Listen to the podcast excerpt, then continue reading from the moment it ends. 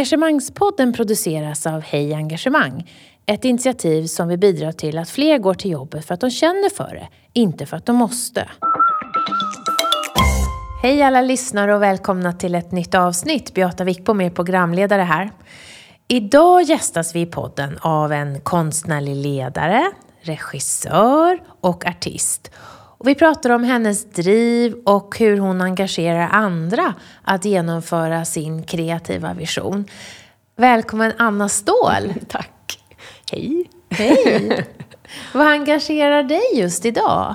Mm, just idag att komma hit. Kul, jätteroligt faktiskt. Och allt som handlar om ledarskap och engagemang, superspännande. Så jag känner att jag verkligen är jätteglad att vara här. Är det roligt att bli intervjuad? Jag tycker det är jättekul. det är också lite som eh, att få ett fokus på hur man gör och vad man jobbar med. Annars så är man ju väldigt mycket i det om man är engagerad. Då. Så det, det, är som en paus ifrån och reflektera lite. Det kan kännas mm. lyxigt. Mm. Vad engagerar dig mer just nu, hösten 2019? Mm, just nu håller jag på och skapar ett par nya projekt som verkligen är i tidigt skede. Läser manus, bearbetar, förkovrar mig i det. Eh, jobbar en sväng på Dramaten just nu. Eh, koreograferar en föreställning som heter Om sanningen med Carolina Frände. Så då är jag där och sen har jag workshops och klasser. Eh, så det är jag engagerad i just nu. Och lite annat skojs också. det, är, det är bra att du ger oss den här breda bilden, för du är ju en eh, kreativ mångsysslare och vi ska komma in på de olika mm. disciplinerna som du jobbar inom. Mm. Eh, du är ju dansare i botten mm. och har gått via koreografi till också regi. Mm. Och du undervisar i dans mm. och så sjunger du. Mm. Du skriver musik. Och du målar. Men ja. vad är du allra bäst på skulle du säga? Alltså bäst, det, det, får någon annan säga. Men det finns ju mer eller mindre hemmaplan. Jag är ju... Eh, dansen kom ju först. Eh, samtidigt med sången och musikaler. Och, eh, jag är uppvuxen i England, i London. Och då gick jag Royal Academy där, som är då som Kungliga Svenska Balettskolan här som jag gick sen. Och då får man ju en bredd i teknik och kunskap och ett vokabulär som är en viss typ av värld, som är dans. Så det skulle jag nog säga är min stomme. Och i det så har jag utvecklat saker som jag tycker påminner om eller som jag kan använda mig av. Så dansen är nog alltid först och det är där jag är hemma och i danssalen och repsal och det är ju kärlek liksom. Mm. Och nu kan inte ni lyssnare se, men när, när du sa det där jag känner mig hemma, då rör Anna lite så på axlarna som i en åtta och man ser att nu börjar kroppen prata också. Ja. Är det det som händer? Ja, antagligen. Du ser mer än vad jag upplever. Men är det så att eh, för dig är dansen ett språk? Eller är det en... Mm ett uttryck mer? Eller vad är det som kommer ur dig när du får dansa eller när du får koreografera? Alltså jag tror att det hänger ihop med, med en snabbare kommunikation än vad ordet kan vara. En direkt, som musik och dans är liksom lite samma kanal för mig. Det gör att, att man får direktkontakt med en känsla. Um, och sen är det ju en bonus om vi kan ha ord som stämmer överens med det också. Så jag tror att det som händer är att det går fortare. Jag kan ju tycka att omvärlden är lite långsam ibland och att vi måste bearbeta så mycket. Och det måste ju även jag. Så jag tror det känns som en shortcut direkt till känslan. Vad dans står för. Sen finns det ju så mycket i det som är tillfredsställande av vad som händer när vi tränar, rör på oss. Nu finns det ju väldigt mycket forskning just vad dans tillför, mer än när jag var liten. Ehm, där det är både en närvaro, träning, fokus och vad hjärnan faktiskt kan ta in när vi rör på oss. Mm. Så det sker nog många saker som man inte har förstått under tiden som man dansar och utför någonting fysiskt. Så det är tillstånd också. Vi har pratat mm. med några av våra gäster mm. om det här med flow. Mm. Att någon som skrev böcker tyckte att det var dens flow, att få vara mitt i ett ja. görande som är så uppslukande att Exakt. tiden stannar. Exakt. Är det, är det dansen som är så mest för dig? Ja, jag märker ju att nu, nu kan jag koppla på det här när det behövs. Tack vare att jag upplevt det där. Så det händer ju när jag målar och det händer när jag är i musiken och när man sjunger också. Så det är nog ett tillstånd man kan lära sig att hantera och vilja ha med om det är lustfyllt. Ehm, tror jag. Men där kom det ifrån. Dansen är grunden för mig, absolut. när jag har sett filmer och hört dansare berätta så förstår vi ju att bakom en föreställning eller ett uttryck så är det så oerhört mycket träning.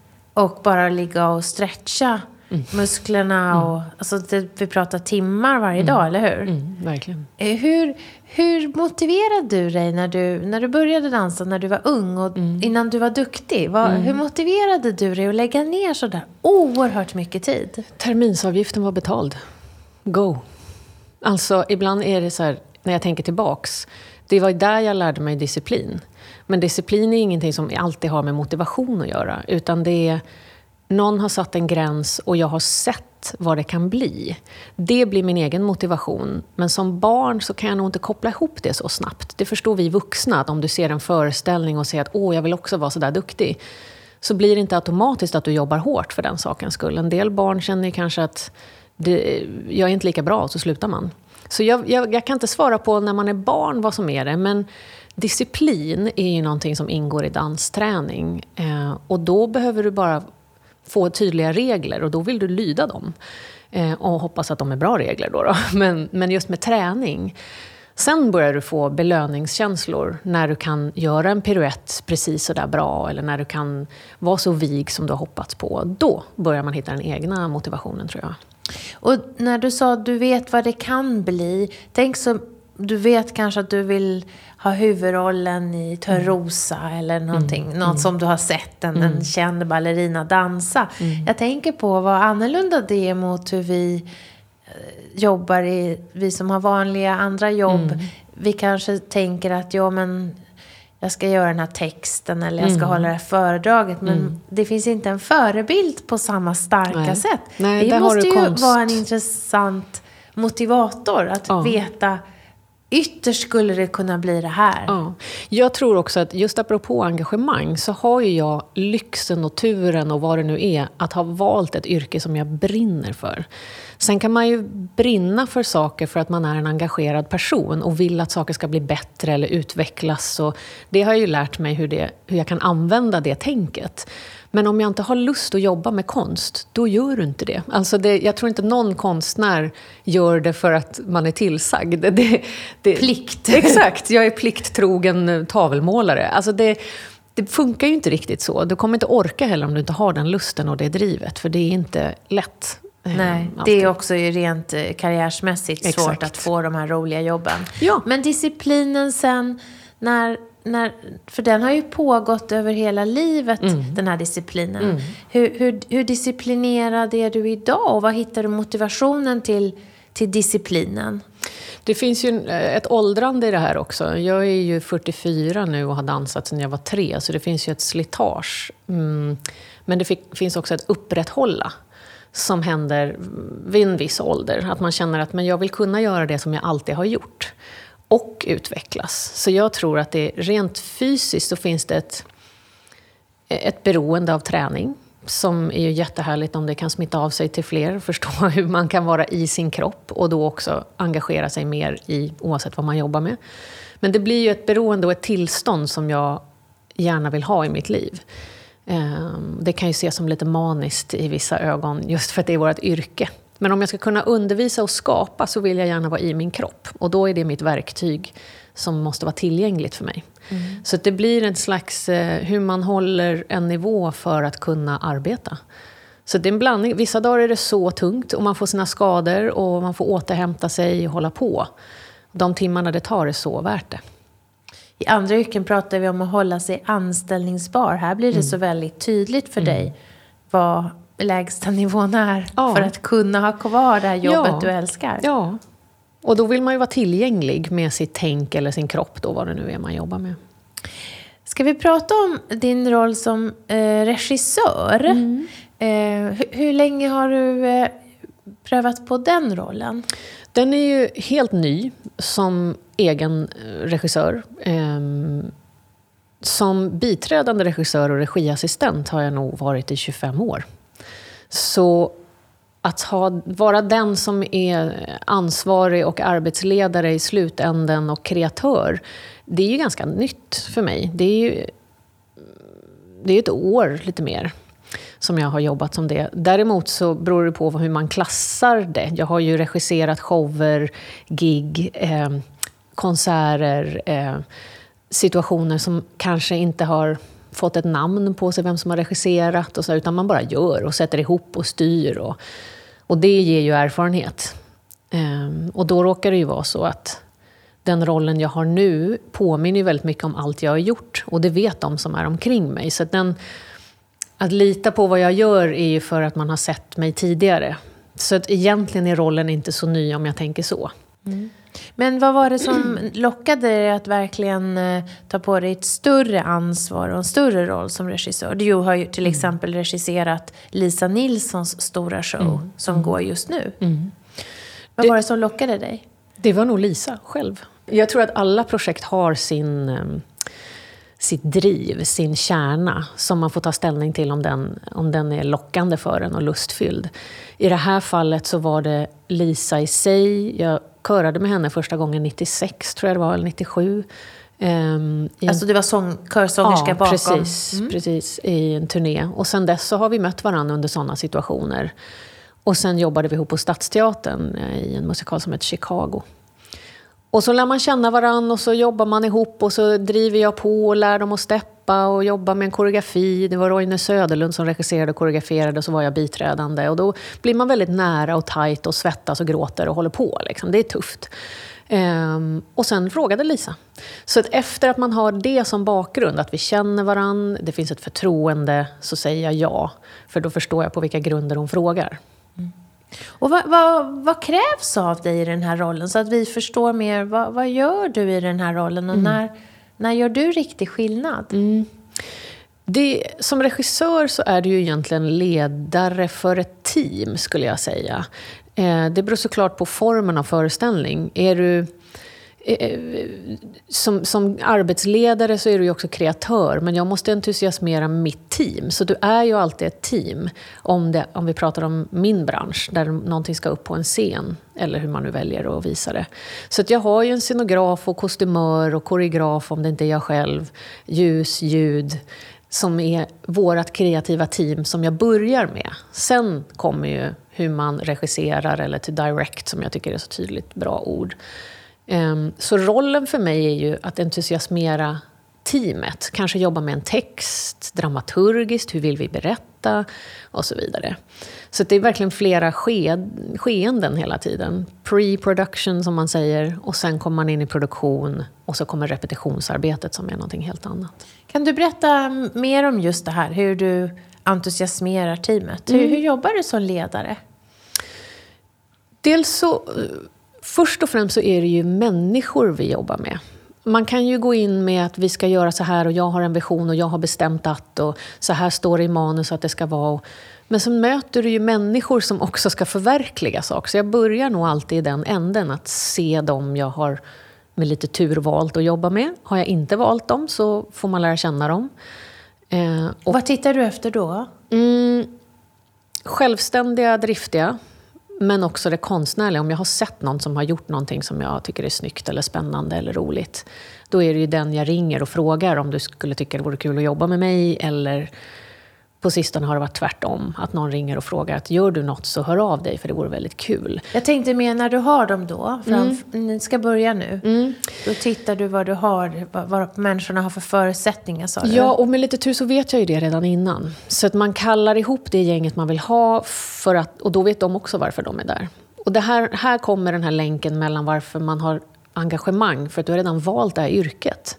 Du kan inte säga att ah, det här ska bli halvkul. Alltså det, det, går inte. Då kan du inte ens vara på första mötet. Så där har jag redan vunnit ganska mycket av engagemang. Det är redan konstnärer och kreatörer allihop. Men sen gäller det ju att hitta den här visionen. Låt säga jag har en bild i mitt huvud av vad det ska vara.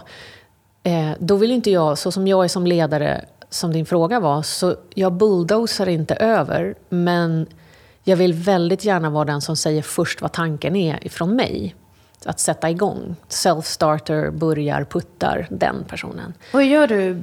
Målar du? Visar du bilder? Mm, det beror helt på projektet. Du? Ja. Mm. all of the above. Det hänger på vad projektet är. Om jag gör en ren dans, ett stycke, då kan det bli att jag vill visa bilder på inspiration eller att man får höra musik.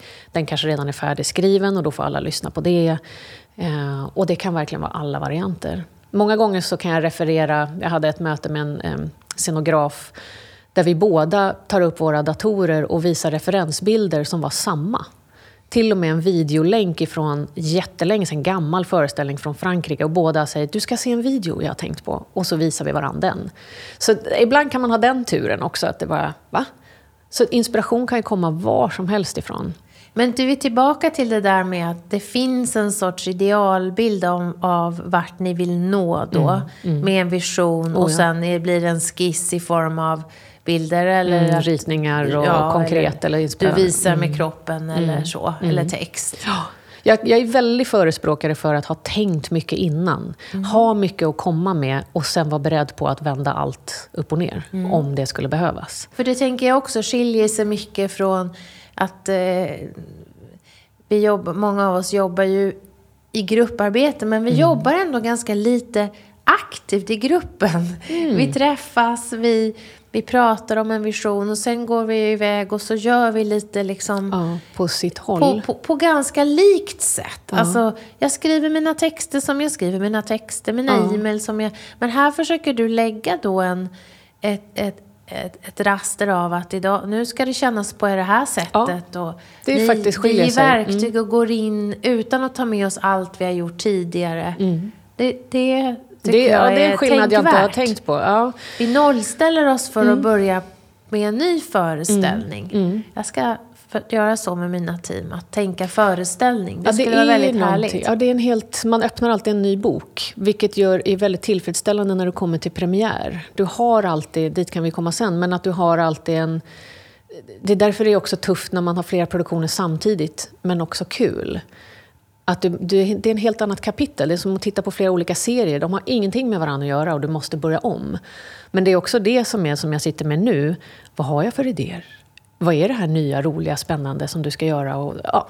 Mm. Så då måste man orka. Men den fasen låter ju väldigt härlig. Mm. Och då har alla också inte hunnit tröttna på varandra. Exakt. Och sen mm. går ni in i det som heter repetition. Mm. Som ju är kötta på och oh. få det riktigt bra. Oh. Och det gör vi också väldigt lite tycker jag i yrkeslivet. Vi tränar ju väldigt lite på liksom fasta situationer. Vi, men här får ni träna mm. och Där träna vi och åt träna. väldigt mycket faktiskt. Tills ja. alla känner sig Vadå, trygga eller? Ja, trygga och rädda mm. brukar det bli. Ja.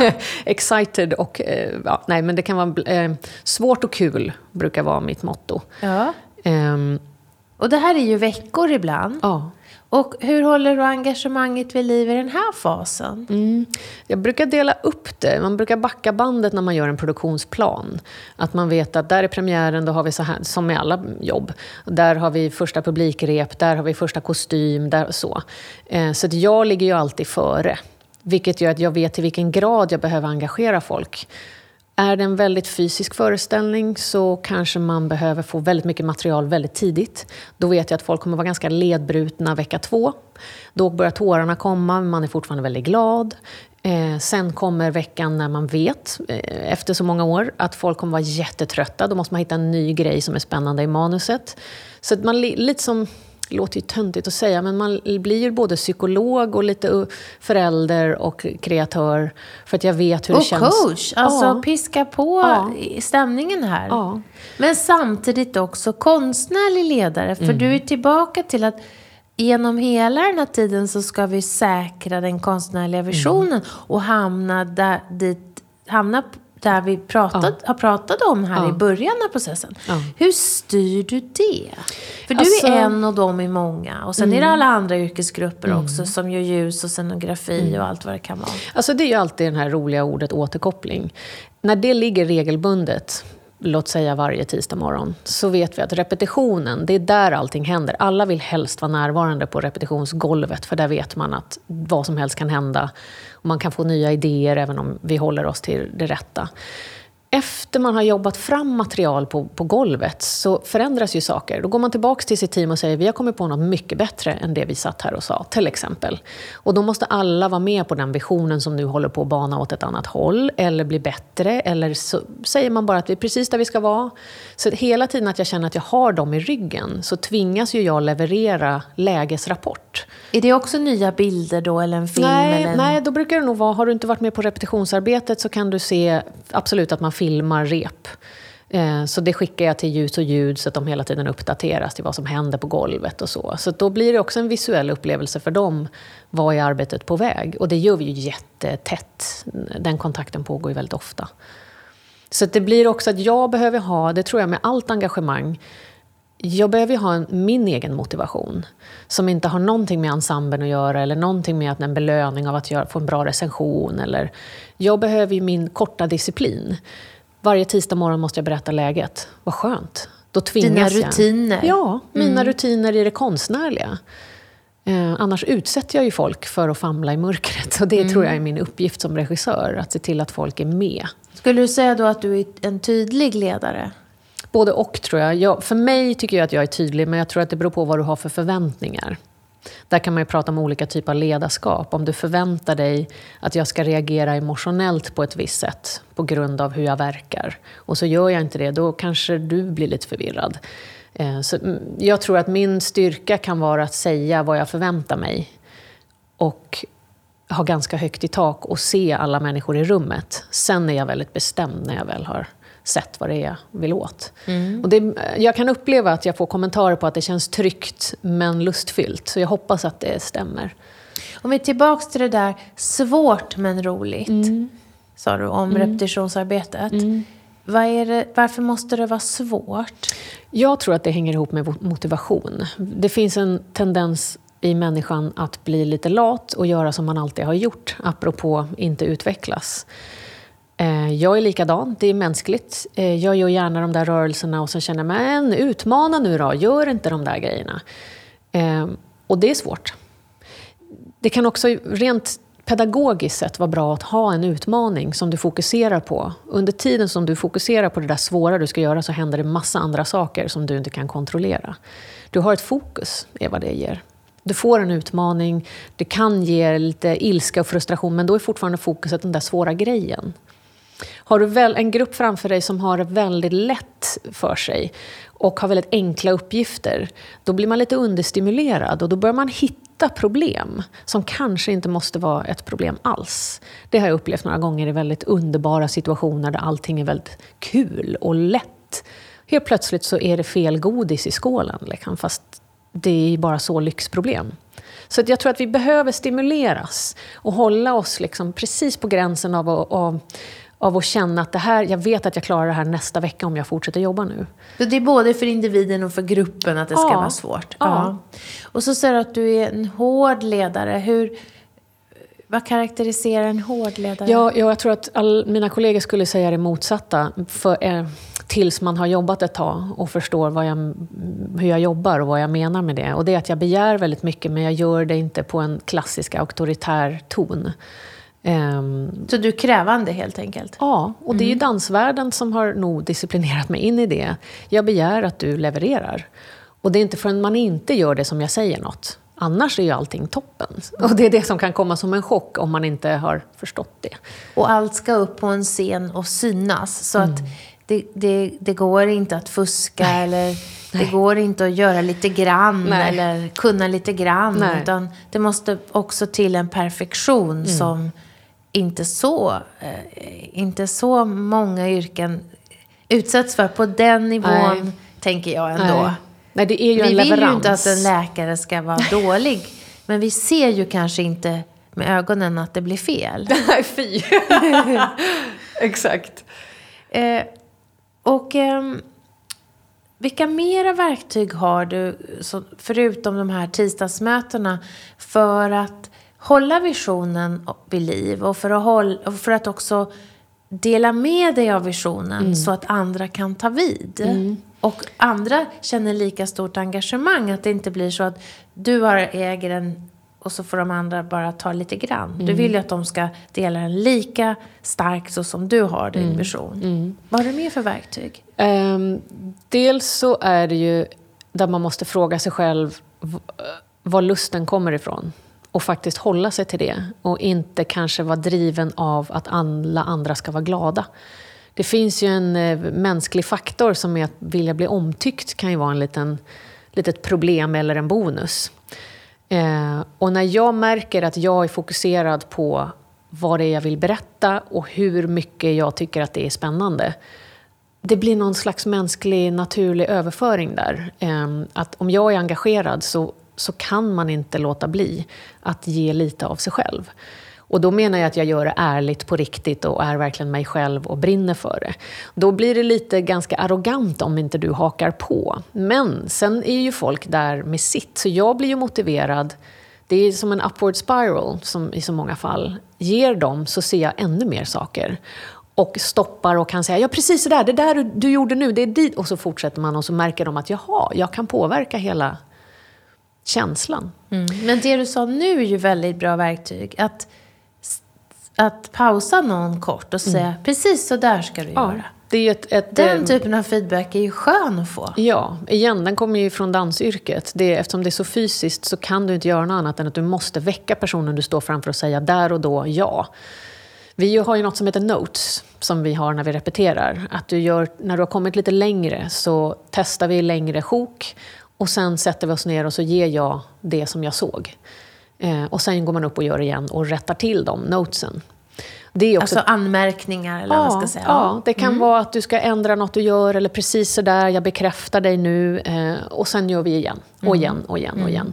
Det är ju ett, ett snabb, en eh, snabb reaktion på bekräftelse. Eh, och då blir vi ju väldigt motiverade, både teamet och jag, eh, i att det faktiskt kan utvecklas och växa fram tillsammans, inte ensam.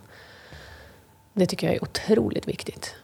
I en artikel jag läste om dig så säger du jag älskar att ta beslut. Jag får så mycket överskottsenergi av den där beslutskraften.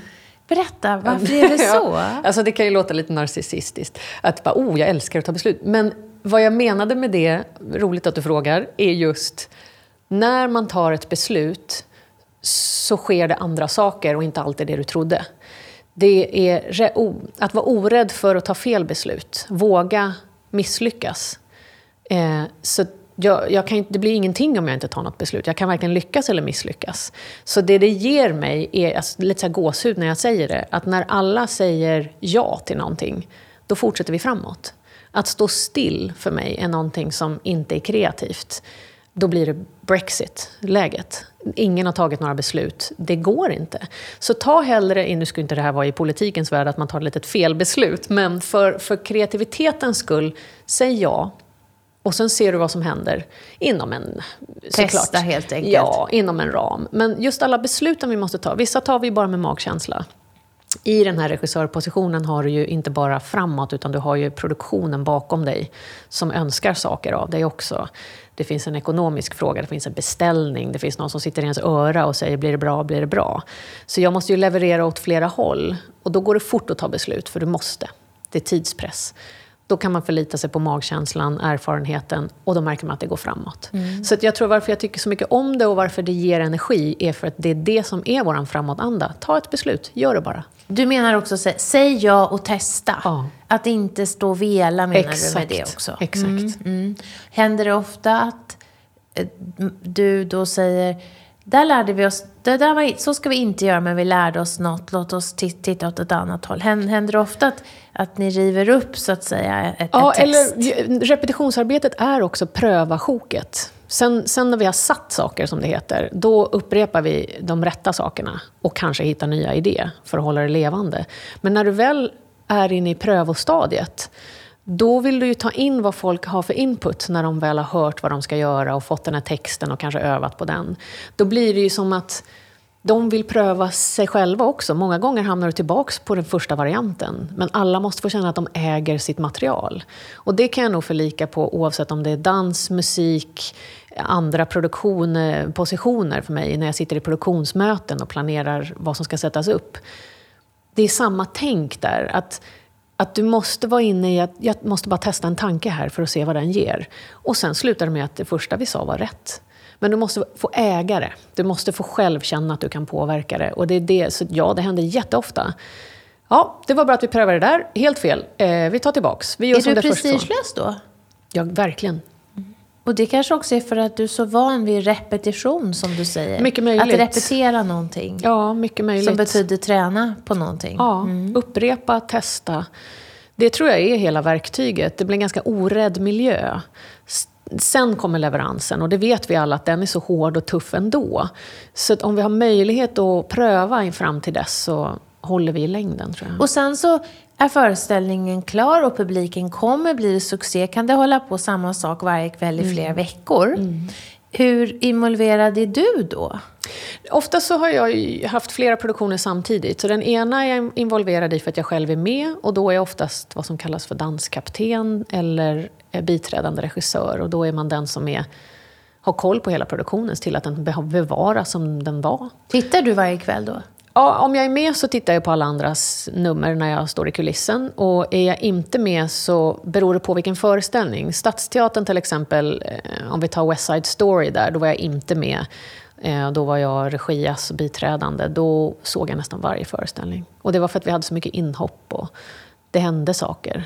Och då är jag den som styr upp det, repeterar in de nya, ansvarar för det. Är det ett annat sorts engagemang som krävs då för att göra samma sak och ändå tycka att det är underbart? Eller Ja, räcker det att bara gå ut och känna publiken och tycka att det är belöningen? Nej, det är något helt annat faktiskt. Det är ett annat arbete. Att upprepa exakt det du har gjort, det är nog det som är så eget också för den här konstformen. Som inte stämmer med om du tar måla en tavla till exempel, sen är den klar. Eller film, sen är du färdig.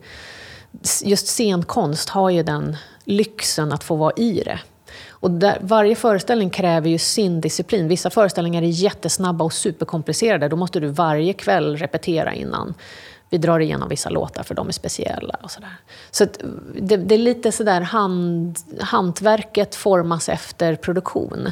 Men ja, det kräver verkligen att bibehålla. Vad är den enskilt viktigaste ingrediensen för att ensemblen ska gå ut och vara sådär bländande bra varje kväll? Är det att ha tillit till varann? Är det att Det ha repeterat så att, så att du, du kan din grej? Eller vad är det Alltså, viktigaste? jag skulle nog säga att eh, gruppen, att ta hand om varandra, är så stor del för att du ska orka. Sen kan det utifrån sett se lika bra ut även om alla hatar varandra, tyvärr. Eh, men jag tror inte att det är en lycko, lyckokast, för då kommer du inte orka jobba så länge.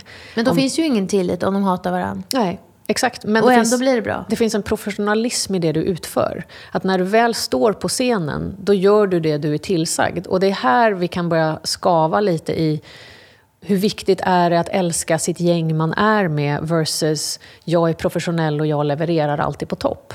Så där, där får man just i det här yrket vara väldigt lyhörd för vad som är bäst för ett gäng. Vi måste ju inte älska varandra, men vi kan ändå tycka om gruppen och vi kan göra allt för varandra och ta hand om varandra.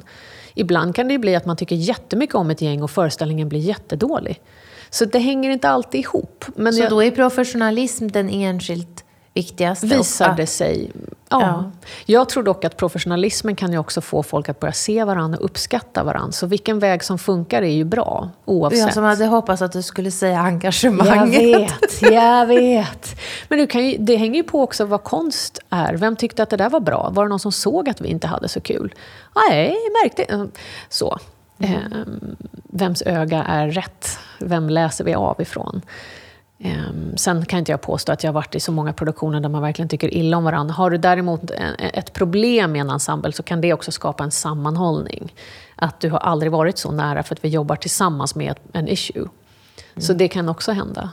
Hur mycket spelar ämnet in? Om vi säger att vi spelar en pjäs Mm. med ett ämne som är väldigt aktuellt och engagerar ensemblen väldigt mycket. Mm. Och man märker också engagerar publiken och kanske rör en till tårar eller till Ja, skratt. ja. Hur mycket spelar det in för hu- hur mycket du älskar att göra den här föreställningen? Mm.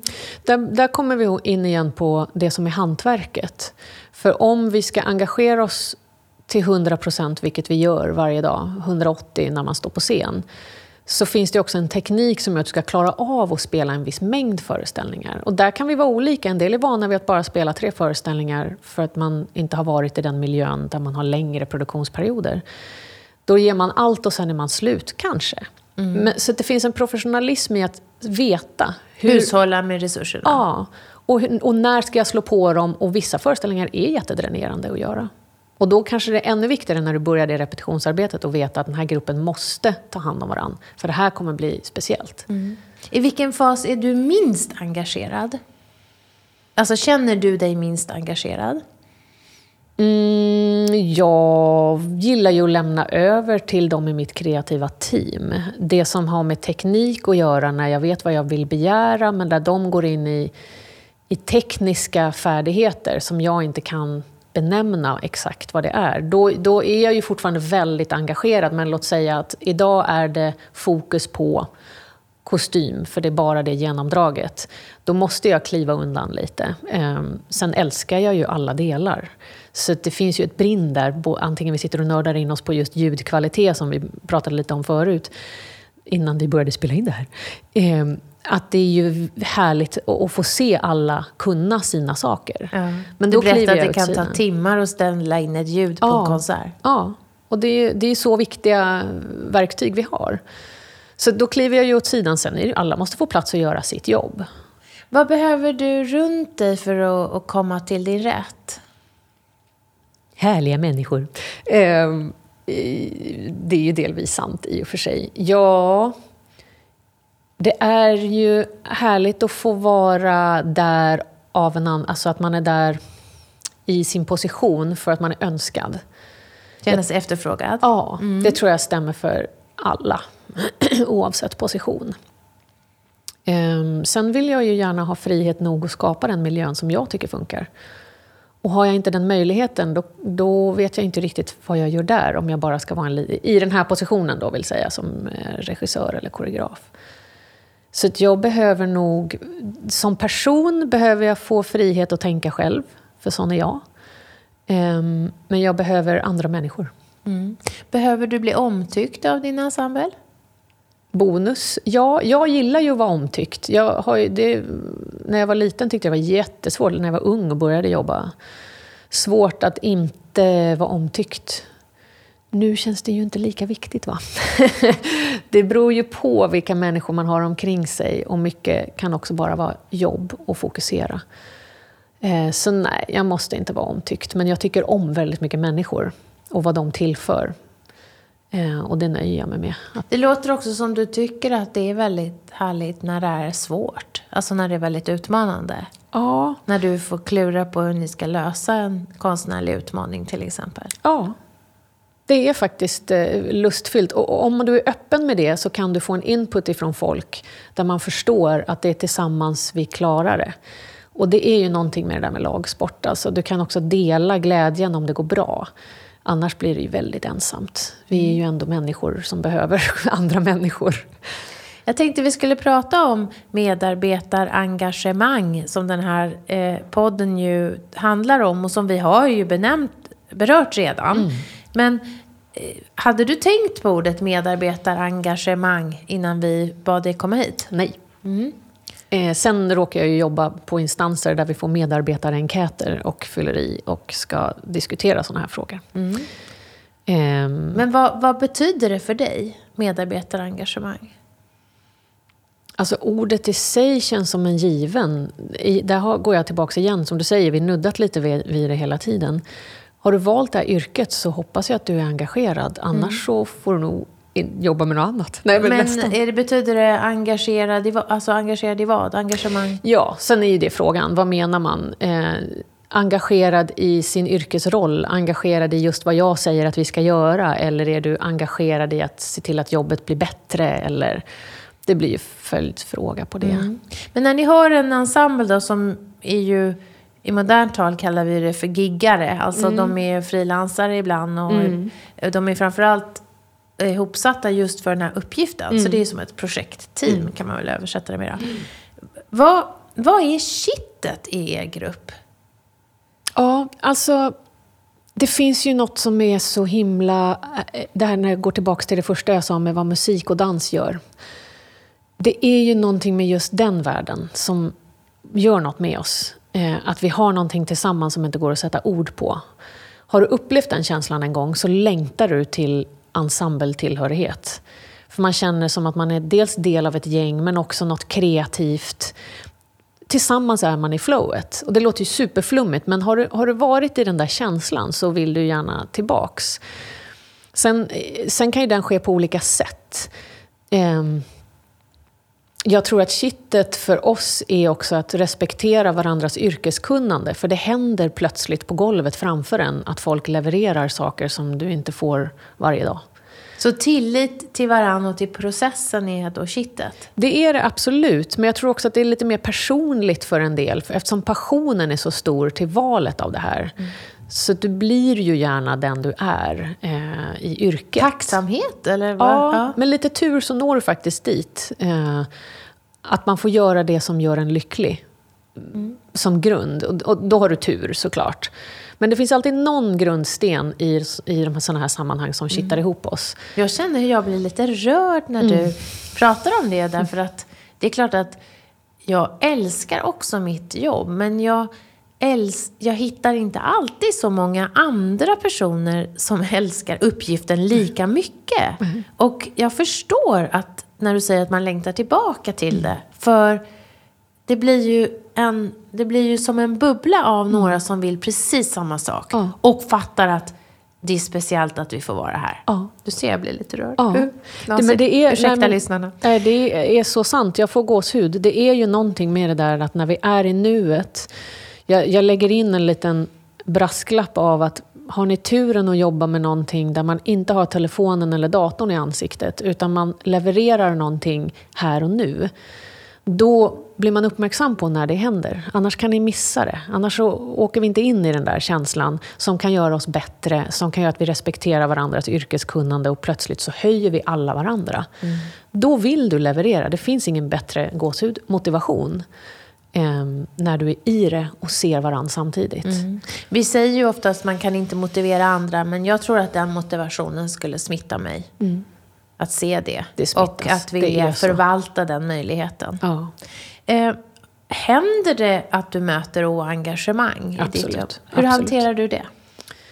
Ehm, för det första så vill jag lista ut vad en- oengagemanget beror på. Det kan man läsa av på två sekunder i och för sig, men handlar det om att man, det har hänt något annat? Man är inte riktigt här. Ehm, eller handlar det om att man inte ville vara med, men har blivit insatt i en produktion? Ehm, vad är grejen?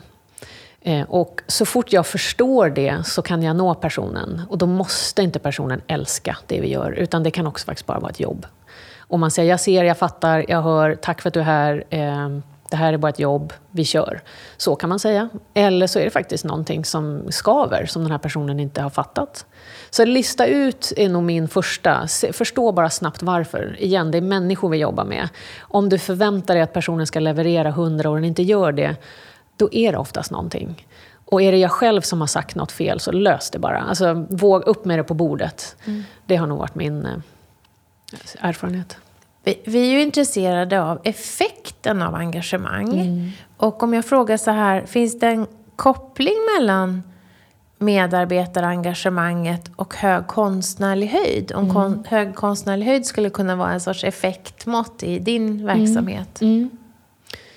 Jag tror att det är ett effektmått, men där man får ta med att, att det, det är lyx när det är så. Det finns också den här pengarfrågan. Vad är bra? Vad ska levereras? Det är ganska flummigt i konst. Eh, vad säljer? Det spelar ingen roll i den här. Det, då blir det konstnärligt hög höjd. Så jag bara lägger in den som en liten... Har Att vi ibland så tänker höjd? ni det måste bli kommersiellt också. Ja, och det vill inte jag hamna i, utan jag vill ju vara konstnär. Men hur kan vi få det att funka och, och, och ge, gör det skillnad för ensemblen jag har framför mig om de känner av att vi ska bara leverera något som säljer? Hur gör jag där? Där hamnar ju jag Och det som kan konstnär. inte vara härligt att veta att det här kommer bli så lätt att sälja. Det här kommer bli en Ja, det är så sällan det är så. Det Ja. vet man aldrig. Nej. Men den rädslan kan ställa till det för det konstnärliga uttrycket. Så bara så, att det finns en, en rädsla för att misslyckas rent ekonomiskt och den hjälper oss inte i kreativiteten.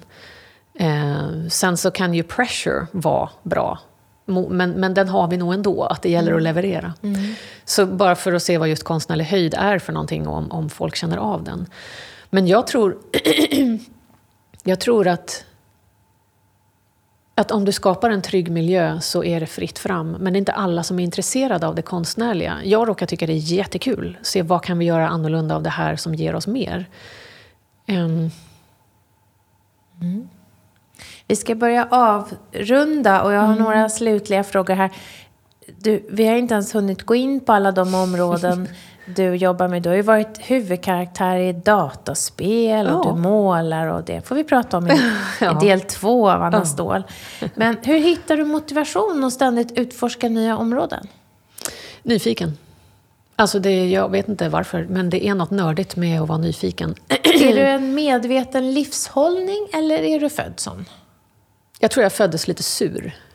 Eh, och det var nog för att jag ville ha egen tid. eh, lite butter, lite trulig, eh, har jag hört. Och jag kan förstå den sidan, eh, att det var så det uppfattades. Men det är nog att kunna gå inåt och inte vara en utåtagerande och inte extrovert, utan gå inåt och hitta och känna. Och sen kommer omgivningen bara se det där extroverta. Men det kräver eh, den här inre kluret. Det är nog min motivation. Det poppar upp små soundtracks och grejer i huvudet hela tiden. Det sitter väl någon liten tomt där inne. Som... Mm. Och så har du disciplinen att utforska ja, ja. och inte ge upp. Just det. Som du har tränat ja. sedan du var tre år. Ja. Och vet att det blir inte något första dagen. Nej. Men man får hålla Nej, på ett och den tag. är alltid svår. Tills jag dör kommer jag nog tycka att det är svårt eh, att eh, inte döma sig själv. Eh, inte så att jag dömer mig som individ, jag försöker alltid göra mitt bästa och det får vara gott nog. Eh, men just det där eh, vad som funkar och vad som inte funkar, får man leka lite. Vi har ju en, en um, fråga som vi alltid vill sluta med och den handlar om att uh, vi, det är mycket som pekar på att engagemang är viktigt, att det är mm. viktigt för innovation, mm. det är mm. viktigt för Sverige och det är viktigt för oss som människor. Att, mm de som är engagerade håller sig friska och så vidare. Mm. Så om vi säger att det skulle bli ett engagemangsdepartement med en engagemangsminister eh, i Sverige. Vad skulle du göra om du var engagemangsminister för en dag?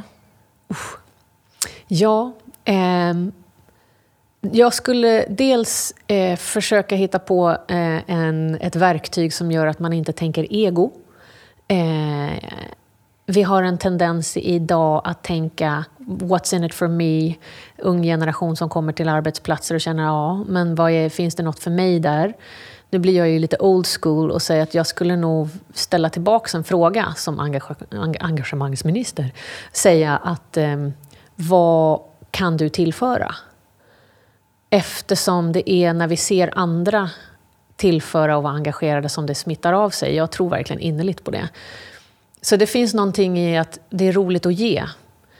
Eh, inte, inte till den gräns att du inte får någonting tillbaka. Så där tror jag att vi kan öva väldigt mycket. Um, inte jag... fråga vad landet kan göra för dig, utan vad du kan göra ja, för landet. Ja, det är sån klassiker. Ja. Mm. Och, det, och det känns som att jag vill ju vara i saker, inte stå vid sidan av. Inte varje sekund, men att, att våga kliva på och vara i och våga misslyckas. Eh, det tror jag är en, en, eh, ett tillstånd som är väldigt tillåtande.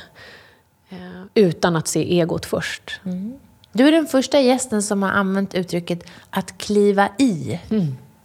Och mm. det betyder att kliva in i något, marinera dig, mm. dränka in dig mm. med den här mm. uppgiften, ja. utforska, ja. gå på djupet, nörda. Ja. Är det så i din värld? Ja, jag tycker det. Det är kliva i, gå in i, vad den som står där säger det, testa, sen kan du hoppa av och se vad gjorde jag nu? Mm. Eh, annars så hamnar vi så mycket i huvudet och bara pratar om att vi ska vara på ett visst sätt och lyckas på ett visst sätt utan att ens ha prövat. Det är så bra så att jag säger ingenting mer efter det.